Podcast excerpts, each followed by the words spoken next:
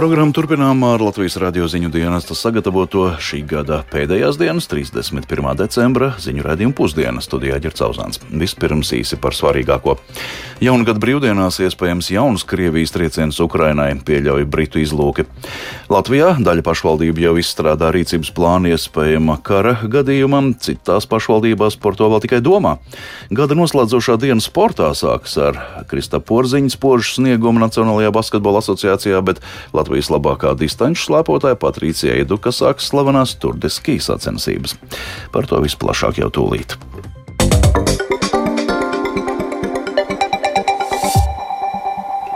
Lielbritānijas izlūkdienesti neizslēdz, ka Krievija tuvākajās dienās dos jaunu triecienu Ukrainai, lai jaungada brīvdienās iedragātu iedzīvotāju morāli. Vecgada vakarā paredzēta Ukrainas prezidenta Volodimira Zelenska uzruna. Savukārt Ukrainas aizsardzības ministrs Oleksijas Rezņikovs video uzrunā vērsies pie Krievijas iedzīvotājiem, brīdinot viņus par jaunu mobilizācijas vilni pēc dažām dienām. Plašāk stāsta Rihards Plūme.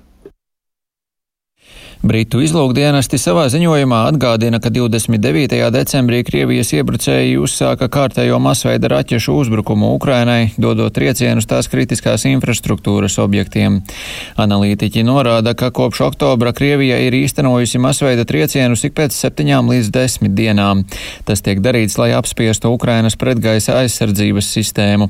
Tomēr pastāv reāla iespēja, ka Krievija lauzīs šo modeli, lai tuvākajās dienās atkal veiktu triecienu, lai jaungada brīvdienu laikā iedragātu Ukrainas iedzīvotāju morāli, tā uzskata izlūkdienesti.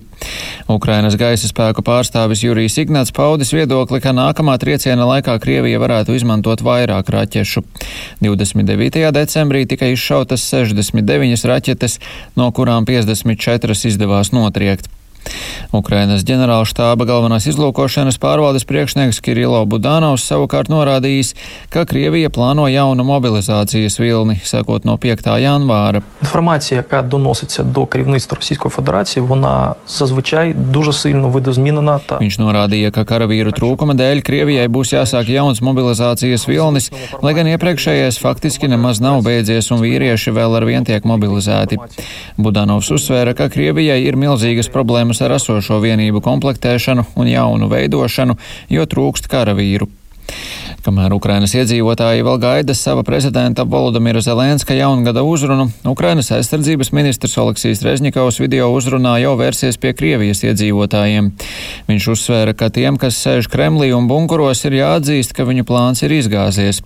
Viņš arī brīdināja iedzīvotājus, ka tuvojas mobilizācija un šoreiz liela daļa cilvēku tiks iesaukti lielajās pilsētās, jo reģioni jau ir patukšoti. Накануне Нового года я обращаюсь к гражданам России, которые являются военнообязанными. Jaunā gada priekšvakarā vēršos pie Krievijas pilsoņiem, kuri ir pakļauti militārajam dienestam. Pirmkārt, tas attiecas uz lielo Krievijas pilsētu iedzīvotājiem.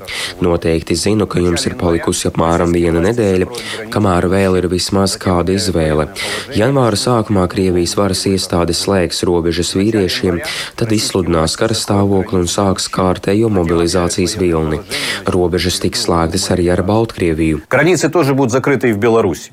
Сегодня вы думаете, чем украсить праздничный стол и строите свои планы. Šodien jūs domājat par to, kā noklāt svētku galdu un domājat par saviem nākotnes plāniem, bet aiz pulksteņa zvanīšanas var neizdzirdēt klauvējienu pie durvīm. Tā būs militāra persona.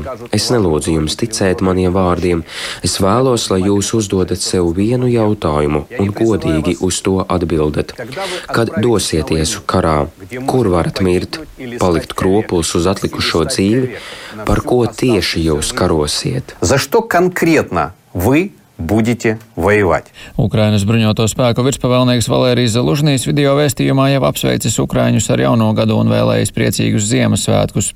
На наших плечах и плечах наших рідних важкі випробування, біль і страждання. Mēs neizvēlējāmies karu, bet mēs pieņēmām cīņu, un pats Dievs ir mūsu pusē, tā sacīja Zalužnīs, piebilstot, ka uz Ukraiņu pleciem ir smagi pārbaudījumi, sāpes un ciešanas, tomēr Ukraiņiem ir spēks pārvarēt ienaidnieku.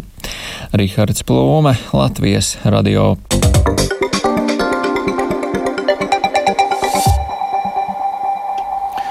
Latvijā no rītdienas iedzīvotāju aizsardzības plānos pašvaldībām jāiekļauj sadaļa par rīcību militāru iebrukumu gadījumā. Kā vietvars izmaiņām gatavojas un kā to ieviešanu vērtē valsts pārvaldē, Viktor Demidov ierakstā. Par Latvijas iedzīvotāju aizsardzību militārā iebrukuma gadījumā valstī runā jau gadiem ilgi. 2020. gadā apstiprināts valsts civilās aizsardzības plāns, kas nosaka, kā gatavoties un rīkoties dažādu katastrofu gadījumā. Lai gan darbs pie tā norit, pašvaldībām līdz šim savos plānos to obligāti nevajadzēja ieviest. Taču Krievijas iebrukums Ukrainā situāciju ir mainījis. No jaunā gada pašvaldībām sadaļa par rīcību kara vai militārā iebrukuma gadījumā palēnām jāiekļauj. Latvijas radio uzrunāto pašvaldību gatavība izmaiņām ir atšķirīga. Piemēram, Jālgavas novadā plānu izstrādājot rūpīgi, turpina Jālgavas pašvaldības operatīvās informācijas centra vadītājs Gīns Reinsons. Kopā ir 14 punkti, no kuriem 6 mēs esam detalizēti aprakstījuši, tāda kā iedzīvotāja informēšana, pašvaldības sabiedriskās kārtības nodrošināšana, dzeramā ūdens rezervi iesaistīšana. Un un, un astoņi punkti tie, kur vēl ir jāpilnveido šī gada laikā. Tās sadaļas, kā teiksim, degvielas un kurināmā rezervi piesaistīšana, jā, energoresursi, tas nav tikai pašvaldības kompetencē, jā, tur jādarbojas tiešā sazobē ar valsts struktūrām. Turpretim Cēsu pašvaldība rīcības plānu ievieš krietni lēnāk. Vietvaras domē informēja, ka darbu tikai sākuši un komentēt varēs vien vēlāk.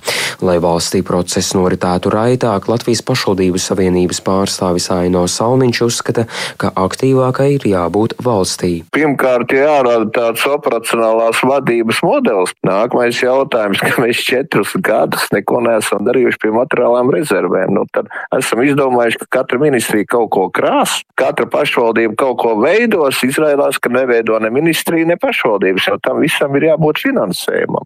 Beidzot, ja mēs gribam runāt par apdraudējumu, mēs nevaram plānot uh, to pēc iepriekšējā gada budžetiem. Diemžēl mēs mūžīgi to risku esam vērtējuši, bet finansējums tam nav sekojis. Un tas ir tas pats būtiskākais, kas ir jādara gan valstī, gan vēlāk arī pašvaldībām. Lielākā daļa pašvaldību ir bijuši ļoti aktīvas, iesaistoties mūsu dažādos pasākumos. Kopumā nevajadzētu būt problēmām sagatavot plānus. Aizsardzības ministrijas valsts sekretārs Jānis Garisons uzskata, ka rīcības plānu izstrādē aktīvai ir jābūt gan valstī, gan pašvaldībā pašvaldībām. Pretēji Salmiņa teiktajam viņš uzskata, ka daudzus krīzes pasākumus var īstenot ar esošo finansējumu. Tas nav tik daudz par kaut ko jaunu, tas ir vienkārši par uh, spēju reaģēt un attiecīgi sniegt nepieciešamo atbalstu, bet, protams, koordinācijā ar gan ar bruņotajiem spēkiem, gan arī ar valsts līmeņa civilās aizsardzības operatīvās vadības centru. Plāns pat pa sevi, es atļaušos teikt, neko nerisina. Ja attiecīgās amatpersonas nav apmācītas un nav domājušas, svarīgākais ir tomēr saprast un izprast situācijas un kādā veidā ir jārīkojas šādās situācijās. Rīcības pasākumi militārā iebrukuma vai kara gadījumā civilās aizsardzības plānā pašvaldībām jāiekļauj līdz 2024. gadam. Uz to skeptiski raugās Salmiņš, norādot, ka mājas darbu ir pārāk daudz. Lai kārtību ieviestu, drīzāk vajadzēšot vairākus gadus. Viktors Demidovs, Latvijas radio.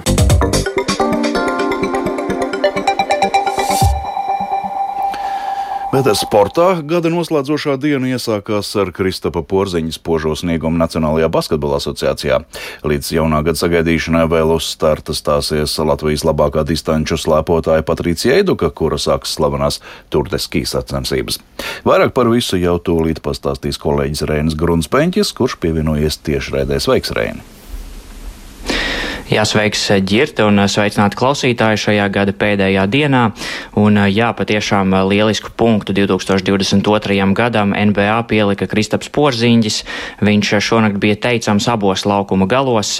Uzbrukumā izcēlās ar augstu metienu precizitāti, trāpot 9 no 13 izmestajiem metieniem no spēles un sakrājot 30 punktus, bet aizsardzībā izceļoties ar 4 bloķētiem metieniem. Tāpat viņa kontā arī 13 atlākušās bumbas, divas rezultatīvas piespēles, viena pārtvērta bumba un labākais plus-mínus rādītājs komandā plus 32. Vašingtonas Wizards ļoti pārliecinoši izbraukumā ar 119 pret 100 pārspēja Orlando Magic komandu. Porziņģim šī bija jau sastā spēle šajā sezonā ar vismaz 30 gūtiem punktiem. Nacionālajā hokeja līgā šonakt laukumā devās arī Teodors Bļugers, tomēr viņam gada noslēgums tik veiksmīgs neizdevās. Pitsburgas pingvīns ar 2-4 zaudēja Ņūdžersijas Devils, kas komandai bija jau ceturtais zaudējums pēc kārtas. Vienus no vārtiem Pitsburga ielaida tieši Bļugera noraidījuma laikā. Kanādā šobrīd norisinās arī hokeja pasaules junioru čempionāts, kur Latvijas jaunie hokeisti vakar noslēdza grupu turnīru, diemžēl paliekot bez uzvarām. Izšķirošajā spēlē, kur panākums ļautu saglabāt cerības uz iekļūšanu ceturdaļfinālā, Latvija ar 0-3 piekāpās Slovākijai. Šajā čempionātā grūtības sagādājušas skaitlisko vairākumu izmantošana. 11 skaitliskajos vairākumos gūti tikai vieni vārti. Pēc spēles intervijā Latvijas Hokeja federācijai to norādīja arī izlases galvenais treneris Ārtis Ābols. Runājot par Slovākiju, tad nu, es teikšu, ka šī komanda, ja mēs salīdzinām to komandu, kas bija augstais soli labāk, tad tā bija ļoti solīta komanda. Mēs redzējām ar kādiem meistarīgiem uzbrucējiem. Bet, diemžēl bez vārtiem ir ļoti grūti uzvarēt, bet uh, turnīrs turpinās. Šeit es varu tikai citēt, Kanādas izlases treneris ļoti interesantu frāzi pateicis pirms čempionāta, ka nu, uzbrukums un vairākums tas ir kā kaķis. Te viņš nāk, te viņš iet, te viņš atnāk, te viņš aiziet, viņš dzīvo savu dzīvi. Jā, nu, ja seko šim salīdzinājumam, tad mums kaķis kaut kur ir tālu aizgājis. Otras apakšgrupas spēlē vakardien Vācija ar 4-2 pārspēja Austriju, un līdz ar to par palikšanu elites divīzijā latviešiem sērijā līdz divām uzvarām būs jāspēkojas ar Austrijas vienaudžiem. Pirmā spēle paredzēta pirmdien. Portugāles futbola zvaigzne Kristiānu Ronaldu oficiāli noslēdzis vienošanos ar Sauda Arābijas profesionālās līgas klubu Al Nasr. Noslēgtais līgums būs spēkā līdz 2025. gada jūnijam. Tiek ziņots, ka Ronaldu atalgojums vienas sezonas laikā sasniegs 200 miljonus eiro, kas viņu padara par lielākās algas īpašnieku futbola vēsturē. Jau pasaules kausa laikā izskanēja baumas, ka Ronaldu pēc Manchester United pamešanas varētu pievienoties Al Nasr, taču tobrīd pats futbolists to noliedza. Un vēl pievēršoties um, šajā kalendārajā gadā gaidāmajiem notikumiem, jau pavisam drīz, burtiski pēc desmit minūtēm, Mistērs ielējā Šveicē sāksies prestižais Tour de Ski seriāls distanču slāpošanā, kura piedalīsies arī pašmāju labākā slāpotāja Patricija Eiduka. Eidukai šis būs piektais Tour de Ski seriāls karjerā. Šodien notiks sacensības sprintā slidsolī, un tieši šajā distancē pasaules kausā Patricija šosezon ir divreiz tikusi ceturdaļfinālā un decembra sākumā Lillehammerē aizsniedzās arī līdz vēsturiskam pusfinālam. Jāpiemin, ka Eiduka Turdeski sāks zaļajā krekliņā, jo viņa ir U23 vecuma grupas kopvērtējuma līdere. Pagaidām gan nav zināms, vai Latvieta veiks pilnu tūri. Tā kā sekosim līdz Patrīcijas Eidukas sniegumam jau tuvākajā laikā, bet pagaidām par sportu man tas arī viss. Paldies, Reini! Tas bija Reinis Grunspeņš par gada pēdējās dienas svarīgākajiem notikumiem sportā. Un vēl Rīgā un lielā daļā citu Latvijas pašvaldību šogad nolēms nerīkot uguņošanu, tā vietā dažādas gaismas šovus rīkot. Daļa iedzīvotāji gan jau no gada mēdz sagaidīt ar uguņošanu, un, lai svinības nenoslēgtos ar traģēdiju, traumām vai nodegušu īpašumu, valsts ugunsdzēsības un glābšanas dienas atgādina, ka ir svarīgi lietot, izmantot drošības nosacījumus, lietojot pirotehniku, un par to stāsta dienas pārstāv Viktorija Gribusta. Pirms ballītes ir jāatrod cilvēks, kurš būs atbildīgais. Cilvēks, kurš līdz pusnaktī mazāk lietos alkoholu, pirms tam izlasīs lietošanas instrukcijas, izvēlēsies vietu, kur notiks salūta palaišana, un viņu arī atbilstoši sagatavos. Diemžēl ļoti bieži notiek tā, ka ir 5 minūtes pirms pusnakts pasākuma dalībnieki atcerās, ka mums taču ir salūts, un tad visi skrien, lai nenokavētu pusnakti, un, un, un tad jau mēģina kaut kādā veidā salūtu norganizēt, bet diemžēl bieži vien tas beidzas ar bēdīgām sekām.